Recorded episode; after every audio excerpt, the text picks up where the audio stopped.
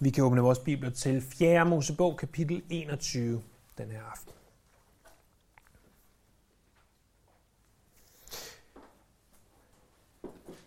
Det vi skal se på det her kapitel under titlen Ørkenvandring. Har du nogensinde glædet dig til en ferie? Jeg er så mærkeligt sammensat, så nogle gange, når jeg kører i min bil, måske en, en sen aftentime alene, og tænker på en bilferie, så savner jeg det. Så savner jeg det der med at pakke bilen med ikke alt for mange ting, og køre sydpå ned ad de tyske motorveje, stoppe ind og købe en, en kop kaffe i ny og næ, og stoppe ind og måske spise en frityrestegt vinersnitzel, og sådan Tag natten til brug for at nå destinationen. Sådan den der slags ferie, hvor man måske har glædet sig i ugeviser og, og pakket de små ting og, og sikret sig, at passende er der, hvor passende skal være, og, og være klar til at tage afsted. Der er indimellem, jeg får den følelse af at savne det. Men når realiteten sætter ind, og, og jeg har passeret Putgarden, og, og motorvejene har de her karakteristiske hak øh, for hver et eller andet meter, fordi den er lagt i blokke. Og, og børnene, som jeg troede ville sove sødt på bagsædet, langt fra at gøre det. Og kaffen er for dyr til at anskaffe sig. Og vinersnitselen frem for at gøre mig mæt og behaget, øh, i stedet for at gøre mig oppustet og en smule kvalm. Og det faktisk er temmelig, temmelig svært at holde sig vågen midt om natten. Så kommer jeg i tanke om, at, at drømmen om rejsen er ikke altid det samme som realiteten. Og det tror jeg er det, som Israels menighed har stået overfor. De har været kamperet i rigtig mange år i nærheden af Kadesh Barnea, umiddelbart syd for det forjættede land. I nærheden af palmetræer, i nærheden af vand. Men nu er de klar til rejsen. Det er ikke en rejse med øh, frityrestigte vin og snit, så det er ikke en rejse med for dyr kaffe, men det er en rejse, som bringer dem forbi mange farer. Og på den rejse er der ganske mange lektioner for dig og mig at lære af. Ja, faktisk siger Paulus i 1. Korinther 10 at blive advaret af. Det, som de oplever, det er advarsler for dig og mig. I det de vandrer på deres ørkenvandring imod den himmelske stad. Så lad os prøve at tage hul på kapitlet i det, vi først ser på de første tre vers. Da de kananæere, kongen i som boede i Sydlandet, hørte, at israelitterne var på vej ad Atarimvejen, angreb de israelitterne og tog nogle af dem til fange. Der aflagde Israel dette løfte til Herren. Hvis du giver dette folk i min magt, vil jeg lægge band på deres byer. Herren bønhørte israelitterne og gav kananæerne i deres magt. Israelitterne lagde band på dem og deres byer, og stedet fik navnet Horma. Arad det er, var en by i det sydligste Israel.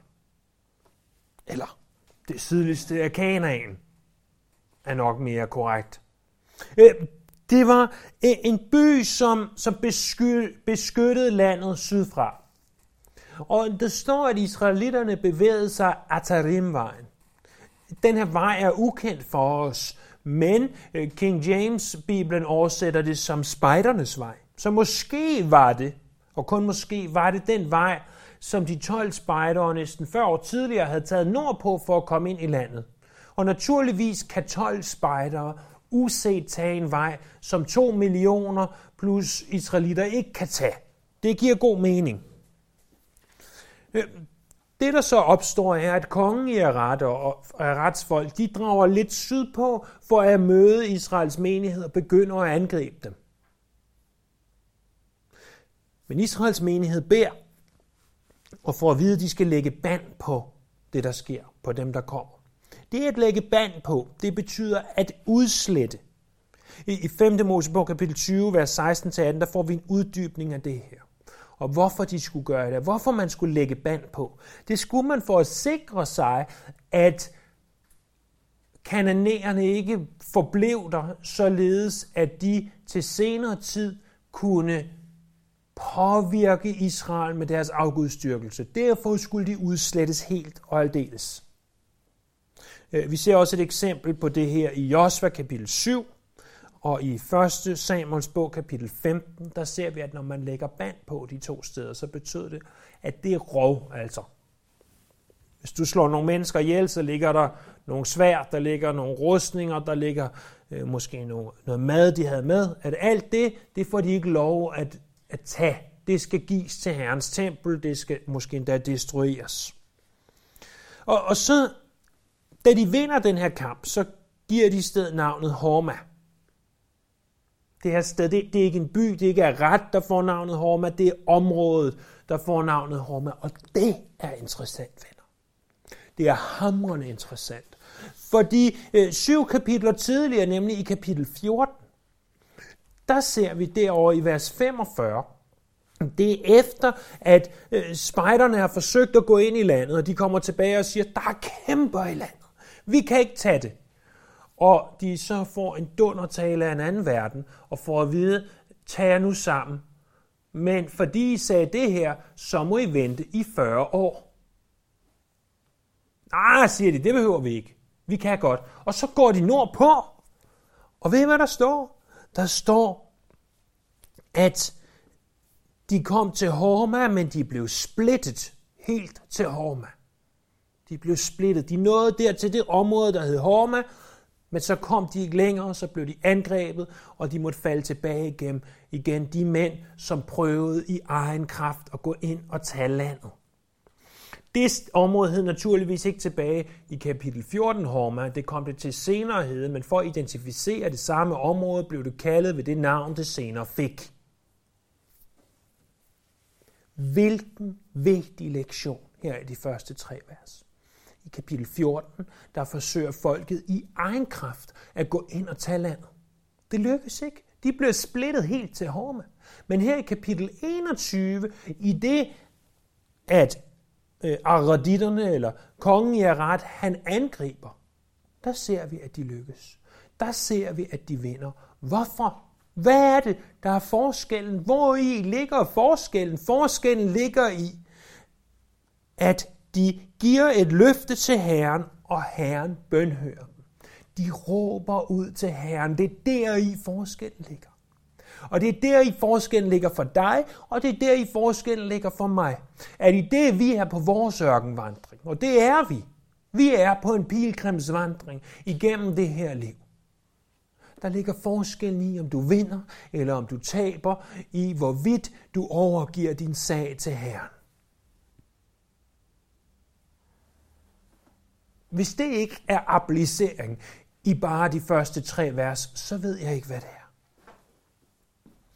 Spørgsmålet rejser sig ganske naturligt. Hvorfor gik de så ikke bare nord herefter? Nu har de jo vundet. Det nemmeste ville være at gå nordpå.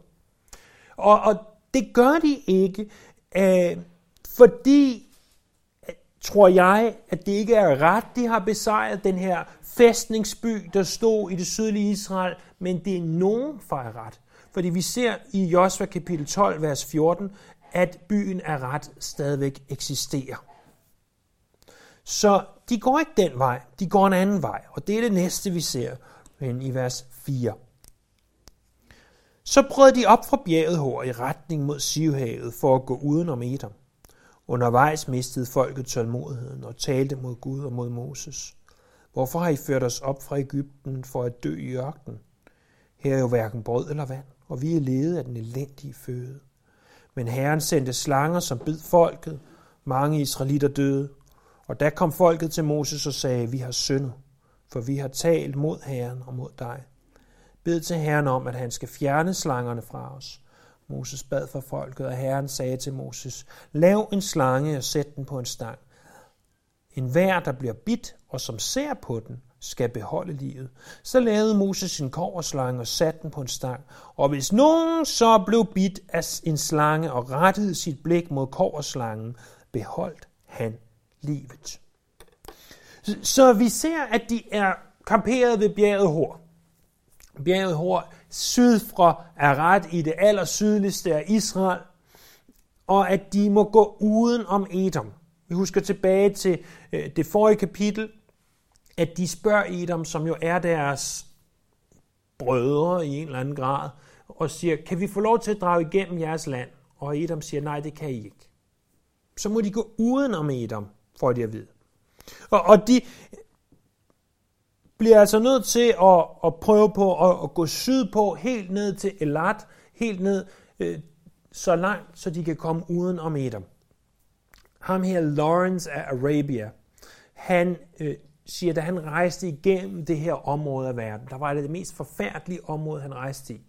Det var så forfærdeligt, at de store, stærke mandfolk, der rejste med ham, de var simpelthen hundeangst for at gå ud om natten, ganske simpelt af frygt for at blive bidt af slanger. Og, og hvad sker der så? Jamen, der sker det, at folket de brokker sig over den føde, som de modtager. Det er jo langt fra første gang, vi har set det her. Og, og der står direkte i vers 5, at de taler imod Gud, og at de taler imod Moses. Hvorfor? Fordi de mister tålmodigheden.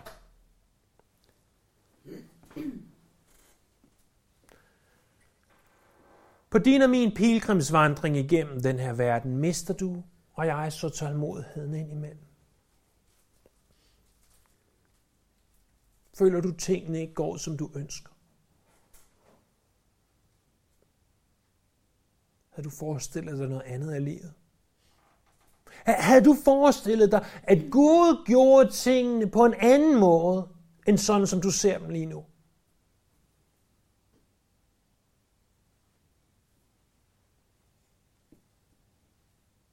Er det, han giver dig, ikke nok? Og når jeg stiller det sådan op, så ved jeg godt, det får hver en af os til at se forfærdelige ud, når vi er utålmodige. Og alligevel, så er det der, hver og en af os befinder os til tider. Hver og en af os kan indimellem identificere os med de israelitter, der brokker sig over maden i ørkenen. Men det her er ikke et spørgsmål om kusin. Det her er ikke et spørgsmål om, de kan lide manna på den ene eller den anden eller den tredje måde. Det her er et spørgsmål om noget langt, langt større. Det kommer til at stå soleklart for os, hvis I slår op i Johannes evangeliet kapitel 6. I Johannes evangeliet kapitel 6, der ser vi, at Jesus han har brødfødt de 5.000 mænd plus kvinder og børn. Det var et mirakel, der kunne få folk op af stolene. Det her med en mand, der kunne skabe mad ud af det rene ingenting. Det var noget, folk kunne forstå. Og så siger de så, hvad skal vi gøre, Jesus? Hvordan skal vi få det til at hænge sammen? Hvad skal der ske? Og så prøv at se her i Johannes evangeliet kapitel 6 og vers 30. De sagde til ham, hvilket tegn gør du, så vi kan se det og tro dig? Hvad kan du gøre? Og så siger Jesus, vor fædre spiste manna i ørkenen, som der står skrevet, brød fra himlen gav han dem at spise. Og Jesus sagde så til dem, sandelig, sandelig siger jeg, Moses gav jeg ikke brød fra himlen, men min fader giver jeg brød fra himlen, det sande brød.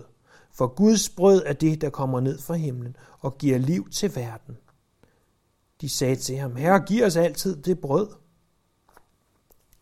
Og man må undres over Israel. Man må undres over disciplene. Hør, vi vil have det brød, vi vil have manna, vi vil have mere mad. Og så siger Jesus det, som er så utroligt. Han siger, men det er ikke det brød, det handler om, vers 35. Jesus sagde til dem, jeg er livets brød. Den, der kommer til mig, skal aldrig sulte. Og den, der tror på mig, skal aldrig, aldrig tørste sagde, det her det handler ikke om manna. Mannaen var fysisk. Det var noget, de kunne gå op og ud og samle op. Men det var mest af alt noget, der pegede imod mig. Så, ah, den er det ikke lige at læse, læse ind i tingene. Jo, hvis det ikke lige var for 1. Korintherbrev, kapitel 10, vers 9. Prøv at se, det, det, det er så essentielt, at Øh, I må godt slå op, hvis I vil, og, og se, at det her, det er ikke noget, der bare er opdigtet. Det her, det er sådan, det er. 1. Korintherbrev, kapitel 10, vers 9. Lad os heller ikke udæske, ikke mandagen, Kristus. Lad os ikke udæske Kristus, sådan som nogle af dem gjorde, og de blev dræbt af slanger. Mandagen var et symbol på Kristus, på vores Jesus.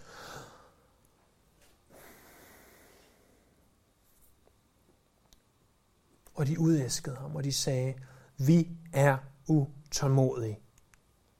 Tænk så, de har lige haft en sejr ved Horma. De har lige set, hvordan Herren arbejder. Hvordan at når de beder til ham, hvordan at når de er for ham, så arbejder han for dem. Men blot fordi du engang har haft en sejr, så betyder det ikke, at du sejrer i dag. Blot fordi du engang vandrede tæt med Jesus, så betyder det ikke, at du ikke har forladt din første kærlighed, nemlig Jesus. Blot fordi, at du engang kunne sige, jeg elsker dig, Jesus, så betyder det ikke, at du i dag ikke er træt af Jesus. Det var det, Israels menighed var. De var trætte af Jesus. Lyder det ikke forfærdeligt? Lyder det ikke uhyggeligt? Og alligevel er det den sandhed, du og jeg må leve i hver evig eneste dag, at vi må sikre os selv, at vi ikke bliver trætte af Jesus.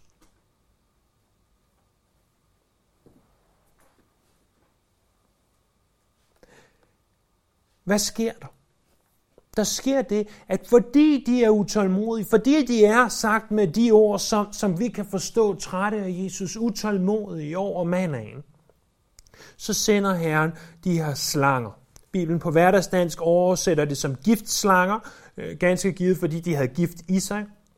Øh, ESV ISV oversætter det som fiery serpents, øh, som direkte vil betyde ildslanger. Ikke, øh, tror jeg, fordi de lignede ild, men fordi når de bed, der lignede det, at din krop var som ild. Øh, det hebraiske ord for slange, det er nachash. Nachash. Og i Toran, altså i de fem Mosebøger, der bruges nahash to gange. Det bruges her, og det bruges i 1. Mosebog, kapitel 3 to gange. Derudover bruges ordet øh, to gange i Amos bog og en gang i prædikernes bog. Og hvis du er træt af Jesus, så er der en ganske god sandsynlighed for, at det er Nahash, den gamle Nahash, den gamle slange, som har en finger med i spillet. Eller at dit kød bare er blevet komfortabelt, og du har behov for at dø til dit kød. Og folket de indser, at det er der, de er. At de er blevet trætte af Herren. De er utålmodige, de synes, det Gud giver, det er ikke nok. Det Gud, han er, det er ikke nok. Så de angrer deres synd. Og løsningen bliver, at Moses skal opstille den her korslange. Hvis man rejser sydpå langs, øh, ned langs øh, øh, til, til toppen af, af det Røde Hav, så kommer man til øh, det sted, der hedder Timna. Og i Timna, der er fundet kov og miner. Der er faktisk også fundet øh, en slange på en stang. Ikke den her slange, men en anden slange. Og, og, og det, det er altså en, en ting, som, som man har der. Om de har været ved Timna på det her tidspunkt, eller om de har taget kåret med sig fra Timna, eller om det er noget andet i kår. Det kan vi naturligvis ikke vide. Men vi kan vide, at det er kår. Og kover er et symbol på soningen. Soningen, det her store ord, som betyder, at vi vender Guds vrede bort, og, og derved mod, kan modtage frelsen. Øh, det er det, som kåret skal vise.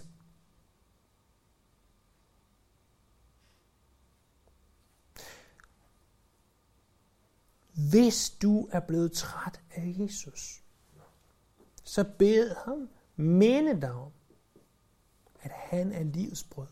At uden ham, så dør du. At uden ham, så er der intet liv.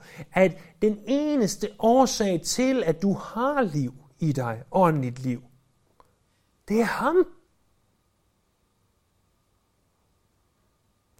For israelitterne var det her ganske åbenlyst, fordi øh, de vidste, at i det, de gik rundt i ørkenen, øh, så var de nødt til at samle mannaen op, og spiste de ikke mannaen, så døde de. For os bliver det nogle gange lidt mere diffust, men det bliver ikke mindre sandt af den grund. De måtte angre og vende tilbage til ham. Vi må angre og vende tilbage til ham. Et mere skriftsted fra Johannes evangeliet. Johannes kapitel 3. Fordi Jesus han kommenterer på den her korslange. Han siger i Johannes kapitel 3, vers 14, og ligesom Moses ophøjede slangen i ørkenen, sådan skal menneskesøn ophøjes, for at hver, som tror på ham, skal have evigt liv i ham.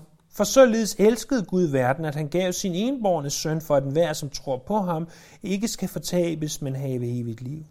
For Gud sendte ikke sin søn til verden for at dømme verden, men for at verden skal frelses ved ham.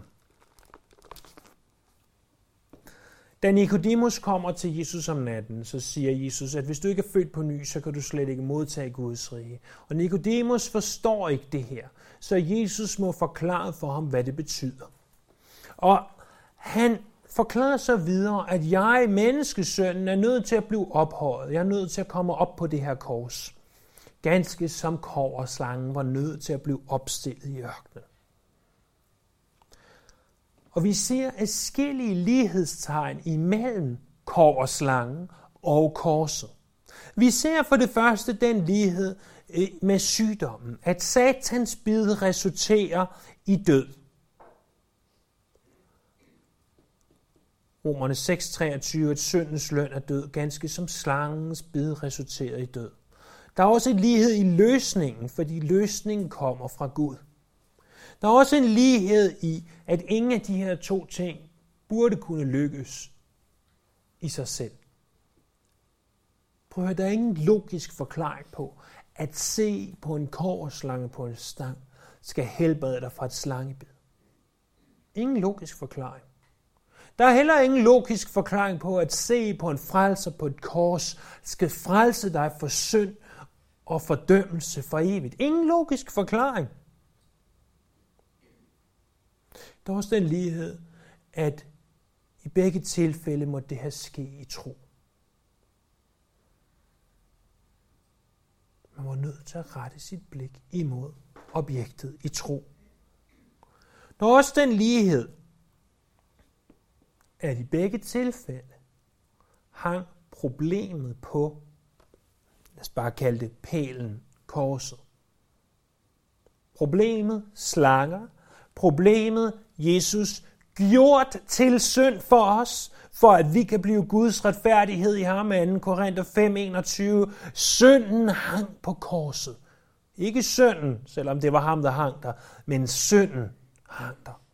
Problemet hang på det kors.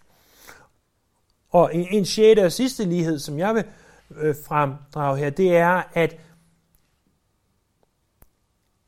der er en lighed i løsningen kom, da den var mindst ventet. Løsningen for Israels menighed kom under brok og utålmodighed. Løsningen for dig og mig kommer, eller kom under korsfæstelse, hån og pinsler. Se alle de ligheder og ganske givet flere.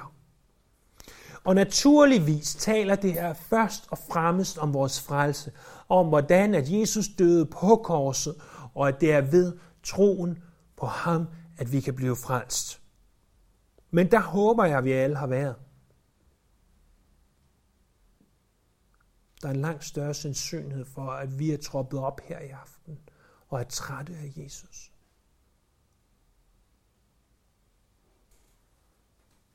Men hvis du er træt, så se hen til ham. som hang på korset, der hvor Gud viser sin kærlighed til os, mens vi endnu var syndere, så se hen til ham, hvor din synd bliver sonet. Se hen til ham, og se hen til, hvad han har gjort for dig. Hvis du er træt af ham i dag, så husk på, at han aldrig bliver træt af dig. Aldrig. Der er desværre endnu et element omkring den her korslange, som vi bliver nødt til at se på, og det er det knap så positive element. Det er at finde i 2. kongebog, kapitel 18, vers 4. Her læser vi om, hvordan at korslangen i år 715 øh, før Kristus, altså næsten 700 år senere, stadigvæk eksisterede. Det vil sige, at man igennem dommertiden, det vil sige, at man under Saul, og David og Salomo har beholdt og bevaret den her koverslange og gemt den. Men nu i 715 er den blevet et afgudssymbol. Og den måtte ødelægges. Tænk så man kunne tage noget, som havde været sådan en vidunderlig ting, og gøre den til et afgudssymbol. Og det kan vi altså også med korset. Hvis vi tror, at korset er en lykkeamulet, og, hvis vi tror, at vi bliver beskyttet af korset, fordi vi har det hængende i vores hus, eller fordi vi har det hængende om vores hals, eller siddende som klistermærke på vores bøger, eller hvad det nu måtte være. Hvis vi tror, at et billede af det beskytter os, e-, eller gør noget specielt, så kan vi gøre det til et afgudssymbol. Og må vi aldrig tage det som er noget så smukt og vidunderligt og forfærdeligt på en gang, og gøre det til afgudstyrkelse. Aldrig. Lad os have det rette perspektiv. Lad os huske, at korset var der, hvor synden blev dømt. Men lad os også huske, at korset er tomt, og at Jesus er opstået fra de døde, og at han lever i dag. Evindeligt.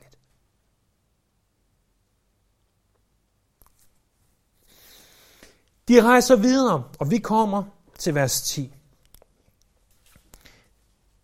Derpå brød israelitterne op og slå lejr i Obot. De brød op fra Obot og slå lejr i Eharim i ørken øst for Moab.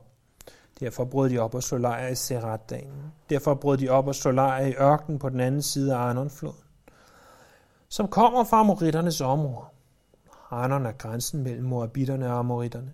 Derfor hedder de i bogen om Herrens krige, Vaheb i Sufa og dalene, Arnon og dalenes skråning, som strækker sig imod Ar og grænser til Moabs område. Derfra drog de til BR. Det er den brønd, hvor Herren sagde til Moses, kald folket sammen, så vi give dem vand. Da sang israelitterne denne sang, brønd vel frem, syng om den. Brønden, som stormænd gravede, som folkets fyrster borede, fyrster med scepter og herskerstav. Fra ørken drog de til Matana, fra Matana til Nahaliel, og fra Nahaliel til Bamot, og fra Bamot til dalen i Moabs land neden for Piskas tinde, hvorfra man har udsigt til ørkenlandet. Så nu begynder rejsen for alvor. De er slangerne overstået. Og ordet i vers 10 derpå er et ganske signifikant. Fordi det viser os, at nu begynder noget nyt. Nu stopper brokkeriet, og nu rejser de. Nu er det bevægelse, nu er der ikke længere stillstand. Og, og vi ser her, at de slår lejr, de bryder op. De slår lejr, de bryder op. De slår lejr, de bryder op. Og det er vigtigt. Mange af de steder, vi ser i vers 10-12, det er steder, vi ikke øh, kan identificere. Men når vi kommer til vers 13, så kommer vi til Arnonfloden, og den kan vi godt identificere. For Arnonfloden er den flod, som løber på den, øh, ned i det døde hav på dens østlige bred, cirka midt for det døde hav. I dag hedder floden, øh, som i dag er i Jordan, Wadi el Mujib. Og om den flod, der er skrevet en sang. Det er den, vi læser i vers, eller et digt, øh, det er den, vi læser i vers 14 og 15. Øh, det er et digt, som kommer fra bogen om Herrens krige. Bogen om Herrens krige var et skrift, som, som eksisterede dengang, som vi ikke har i dag, som de er citeret fra. man kan vel sammenligne det en smule med, hvis, hvis man havde i dag sagt, at vi citerer fra, fra højskolesangbogen, og så øh, eller en anden sangbog, den danske salmebog, eller hvad det nu måtte være. Og, og det er altså øh, et, et citat om et eller andet, der eksisterede engang. Det, det er sådan, det er. Det er formodentlig ikke et, et bibelskrift, det er formodentlig ikke en bibelsperson, der har skrevet det andet, end det hedder bogen om Herrens krige. Vi ved det ikke. Det kan også være noget, Moses eller nogen andre har skrevet. Vi ved simpelthen ikke, hvor det kommer fra. Og, og sådan er der altså skrifter, vi indimellem møder, som vi ikke ved, hvor kommer fra. Der står, at derfra drog de så til BR, og ordet BR betyder ganske simpel brønd. Og så kommer de til den her brønd, i, og i vers 16 og ned til vers 18, så ser vi, at de synger en sang om brønden. Fordi de glædes. Og er du med på, at selvom du er på ørkenvandring, så er det okay at glæde sig? Vi behøver ikke gå rundt og ligne gravballemanden, bare fordi vi er kristne. Det er okay at glæde sig. Glæder jer altid i Herren. Jeg siger, at der glæder jer. Hans mildhed blev kendt af alle mennesker. Herren er nær. Det er okay at glæde sig. Det er okay at være glad. Det er okay at have glæde i livet. Og det er det, vi ser her. Selv på en ørkenvandring. Og, og så kommer de forbi Piskas øh, bjerget, hvor at den højeste tinde i Pisgasbjerget hedder Nebo, som var derfra, hvor at Moses så ind senere, altså senere end det vi læser her, så ind i det forjættede land. Men der er et par ting, jeg godt vil have, I bemærker i de her vers. Det er, at i vers 10-15 ser vi, at Herren leder dem. Han leder dem fra sted til sted til sted. Vi ser også, at han sørger for dem. Han ser, at han giver dem vand. Den vand, som er så nødvendig for, at de må kunne klare sig. Men vi ser samtidig, at folket, de må slå lejr, de må bryde op. De må slå lejr, de må bryde op. Vi ser også, at de må grave en brønd. Vandet vælger ikke frem af klippen. De må i gang med hakke og skovl. Og, og vi ser endda, at stormændene gravede, synger de. Og viser det os ikke, at Gud er på en og samme tid suveræn, almægtig, men han beder os om at arbejde, om at handle, om at gøre.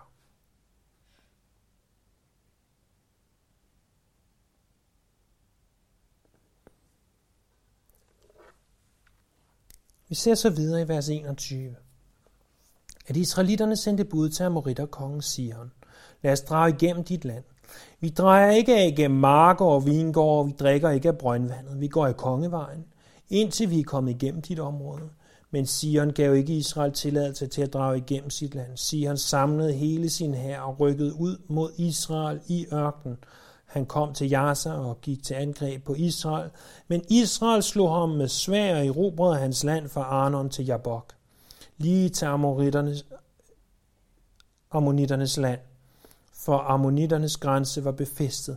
Israel indtog alle disse byer og bosatte sig i alle amoritterbyerne, amoritternes byer, i Heshbon med tilhørende småbyer. Heshbon var amoritterkongen Sions by. Han havde ført krig mod den tidligere Morbitkong, der havde taget hele hans land lige til Arnon. Derfor siger digterne, kom til Heshbon, den skal bygges op. Sions by skal grundfæstes. Ild slog ud fra Heshbon, en flamme for Sions by. Den fortærede ar i Moab, Arnonhøjenes baler. Ved dig, Moab, Kemosh folk. Du er gået til grunde. Sønnerne har han gjort til flygtninge. Døtrene er i fangenskab hos Amoriterkongen Sion. Vi skød dem ned. Hesbon gik til grunde lige til Dibon.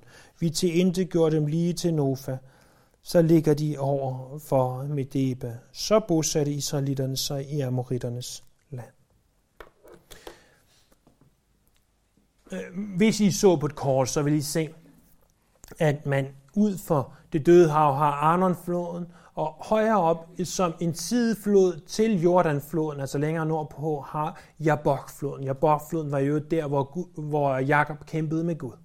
Så imellem det område, det er det område, der er tale om nu, øh, der ville israelitterne godt have lov til at gå igennem. Det får de ikke lov til. De bliver angrebet. Og de bliver angrebet af Amoritterkongen Sihon. Men Sihon bliver altså slået, og israelitterne kan begynde at bosætte sig i det her område. Så får vi endnu et digt i vers 27-30. Øhm, det er et digt, som handler om, hvordan at Sihon tidligere havde indtaget det her område.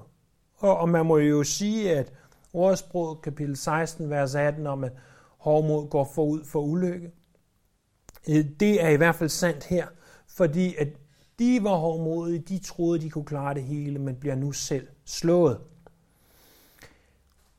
Israel, de ville bare have været igennem deres land uforstyrret. Men Sion bliver slået. Og Sion bliver slået, fordi Israel ikke kæmper alene. Israel kæmper med Gud på deres side. Næsten 40 år har Israel forsøgt sig igennem deres ørkenvandringer klarer sig selv. Og de har set nederlag på nederlag på nederlag. Nu går de fra sejr til sejr til sejr, fordi Gud er med dem. Jeg håber, du ser forskel. Jeg håber, du mærker det på din krop, at du har behov for, at Gud er med dig i det øjeblik, du står ud af sengen om morgenen, til det øjeblik, du går i seng om aftenen og hele natten lang. Hvis du vil gå fra sejr til sejr.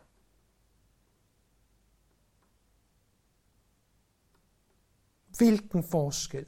Hvilken forskel, når de, vi indser, at han har lagt gerninger til rette for os at vandre i Efeserne 2.10. Når vi indser, at vi ikke skal gøre tingene i egen kraft, men i hans åndskraft, Zakarias kapitel 4, vers 6, eller når vi indser, at vi må lade ham fuldføre værket, Filipperne kapitel 1, vers 6. Hvilken forskel. Det gør så stor en forskel for Israel, at de nu har indtaget det første af det område, som de senere kommer til at bo i. Så har vi et lille afsnit til sidst i vers 32-35. Her læser vi, at Moses sendte nogle mænd ud for at udspionere Jatsa, og israelitterne indtog den med tilhørende småbyer og fordrev amoritterne, som boede der. Så begav de sig op i retning af Bashan, og med hele sin hær rykkede Bashans konge Og ud til kamp mod dem ved Edrei. Han sagde, der sagde Herren til Moses, vær ikke bange for ham, for jeg giver ham og hele hans hær og hele hans land i din magt. Du skal gøre med ham, som du gjorde med Amorita kongen Sihon, der regerede i Heshbon. Så slog de ham og hans sønner og hele hans hær. Der var ingen, der overlevede, og de erobrede hans land. Vi befinder os stadigvæk på østsiden af Jordan. Og vi ser, at Moses sender de her spioner ud. De indtager Yasser, men det provokerer altså en anden amoriterkonge, nemlig kongen Og. Ikke Og, men Og. Gud må sige til Moses, vær ikke bange. Hvorfor siger han det? De har lige vundet over Sihon. Øh, hvorfor skulle de være bange for Og? De skulle være bange for Og, fordi Og han var en kæmpe stor mand. Han var så stor, så vi i Øh, 5. Mosebog kapitel 3 læser, at hans jernseng, som jeg gætter på ikke var så almindelig dengang, var ni alene eller omkring 4 meter lang. Om det bare var, fordi han godt kunne lide at have god plads i sengen, eller om det var, fordi han egentlig var måske ikke 4 meter lang, men ganske stor, øh, det tror jeg. Det, det er i hvert fald det, alt det tyder på. Han var i hvert fald så frygtindgydende, så at Gud siger til ham, til Moses, vær ikke bange. Og det er de så ikke. Og de går ud, og de slår ok, og de sejrer, og de kan bosætte sig i landet. Det område, hvor vi senere ser, at de to og en halv stamme af Israel, de bosætter sig nemlig på østsiden af Jordan. De her to sejre, vi har set, sejren over Sion, sejren over Ok, de er bemærkelsesværdige. Helt ud i det ekstraordinære. Det er ikke noget, du og jeg, vi normalt går og tænker over. Og det er ikke navne, som du måske egentlig har bidt mærke i før. Men jeg vil godt have, at du bider mærke i de her navne, for de er vigtige. I Josva kapitel 2, vers 10 læser vi, at vi har hørt om, hvordan Herren udtørrede sivhavet foran jer, dengang I drog ud af Ægypten. Har I hørt om det? Dengang, da Herren udtørrede sivhavet foran Israel, dengang de drog ud af Ægypten.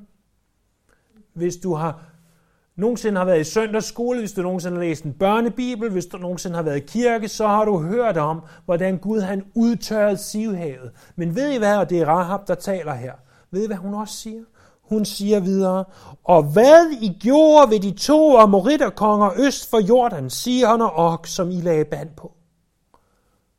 Rahab, hun sidestiller vandring igennem Sivhavet med sejren over Sihon og Og. Men hun er ikke den eneste.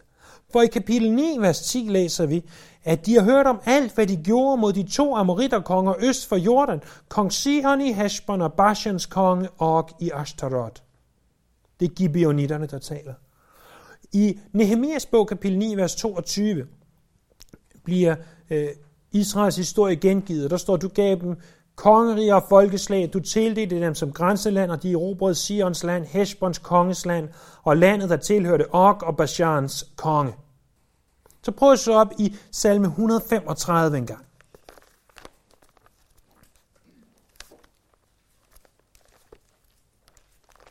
Salme 135. Vers 8. Han dræbte Ægyptens førstefødte, både mennesker og kvæg. Han sendte tegn og under og ind i Ægypten mod farve og alle hans folk. Han slog store folkeslag og dræbte mægtige konger. Amoritterkongen Sion, Bashans konge Og og alle Kanaans kongedømmer. Han gav deres land i eje, i eje til Israel, hans folk. Og så i salme 136, vers 19 og 20, hvor der står, Amoritterkongen Sion, hans trofasthed varer til evig tid, og Bashans konge Og, hans trofasthed varer til evig tid. Hvis du foretager en søgning på navnet Og, så fremkommer det øh, 22 gange i Bibelen. Det er ikke så nemt at gøre en dansk Bibel, skulle jeg hilse at sige. Men i en engelsk Bibel bliver det noget nemmere. Øh, 22 gange! Det er vældig, vældig mange. Jeg prøvede ikke den danske bibel. Jeg kunne godt regne ud, at det ikke ville kunne lade sig gøre. Bare roligt. 22 gange. Hvorfor var det så vigtigt? Hvorfor er det så vigtigt for, lad os sige det som det er, Helligånden, at fortælle os og Israel igen og igen, at de havde den her sejr og ok og Sihon. Fordi de sejre, du vinder i ørkenvandringen, de sejre, du vinder på ørkenvandringen, de tæller. De tæller, venner. Det kan godt være, at de virker insignifikante. Det kan godt være, at de er øst for Jordan. Det kan godt være, at de har spøjse navne. Det kan godt være, at det er nogen, som vi måske ikke nødvendigvis lærer om i søndagsskolen, men de sejre, de tæller. Og hver eneste gang, du siger nej til dit kød, hver eneste gang, du siger nej til satan, hver eneste gang, du lader være med at brokke dig over mandagen. Hver eneste gang, du vender dig mod ham igen og siger, jeg er ikke træt af dig mere, Jesus. Jeg har ikke lyst til at forlade min første kærlighed. De sejre, de tæller. Og de sejre vil du kunne sidde en dag, når du er gammel, og se tilbage på og sige, jeg havde en sejr i Sion. Jeg havde, eller en sejr over Sion. Jeg havde en sejr over Ork. Jeg havde en sejr over kødet i den forbindelse. Jeg havde en sejr over Satan i den forbindelse. Jeg havde en sejr. Jeg vandt en sejr. Og det vil jeg aldrig glemme. Det er vigtigt, at vi holder fast i de små sejre, som vi har. Sejren er ikke vores. Det er ikke din gerning. Det er ikke din kraft. Det er ikke din styrke. Det er Guds styrke. Men han bruger dig. Du er et instrument. Du får lov til at opleve sejren i det, han giver dig styrken. Hvis du lader ham.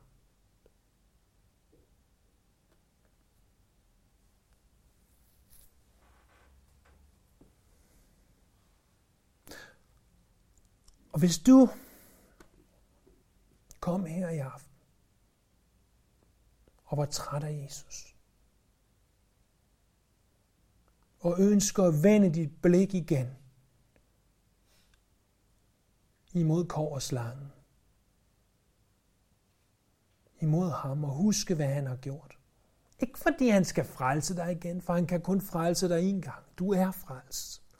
Men for at huske på, hvem han er så husk også, at sejrene tæller, når du igen begynder at læse i din Bibel, når du igen begynder at bede. Når den her verden ikke er nok for dig, når det er den næste verden, der tæller, de sejre, de er vigtige. De er vigtige. De er med til at give dig det, der senere er værd at fortælle i livet. Det, der er værd at samle. Det er det, der er værd at gennemgå ørkenvandringen for. Lad os bede.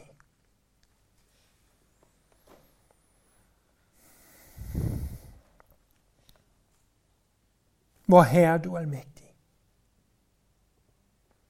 Du skaber himmel og jord. Du der på en og samme gang splittede havet ved det røde hav og gav sejr over Sion og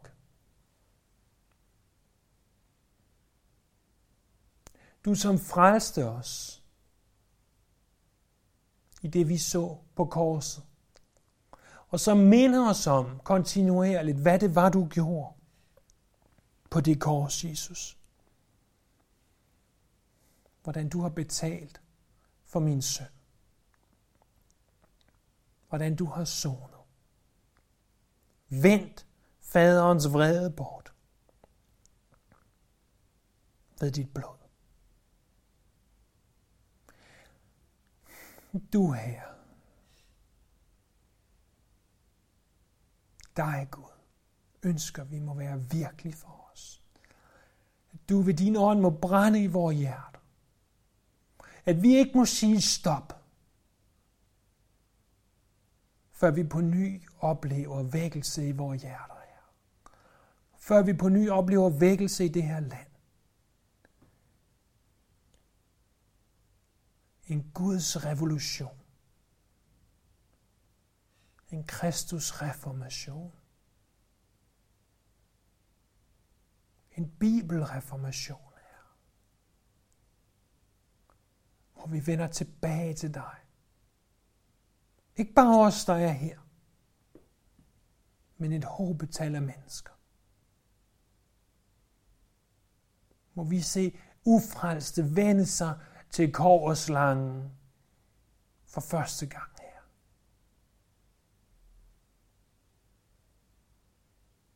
Og om du ville bruge os som dine instrumenter, så vil vi give dig al æren derfor.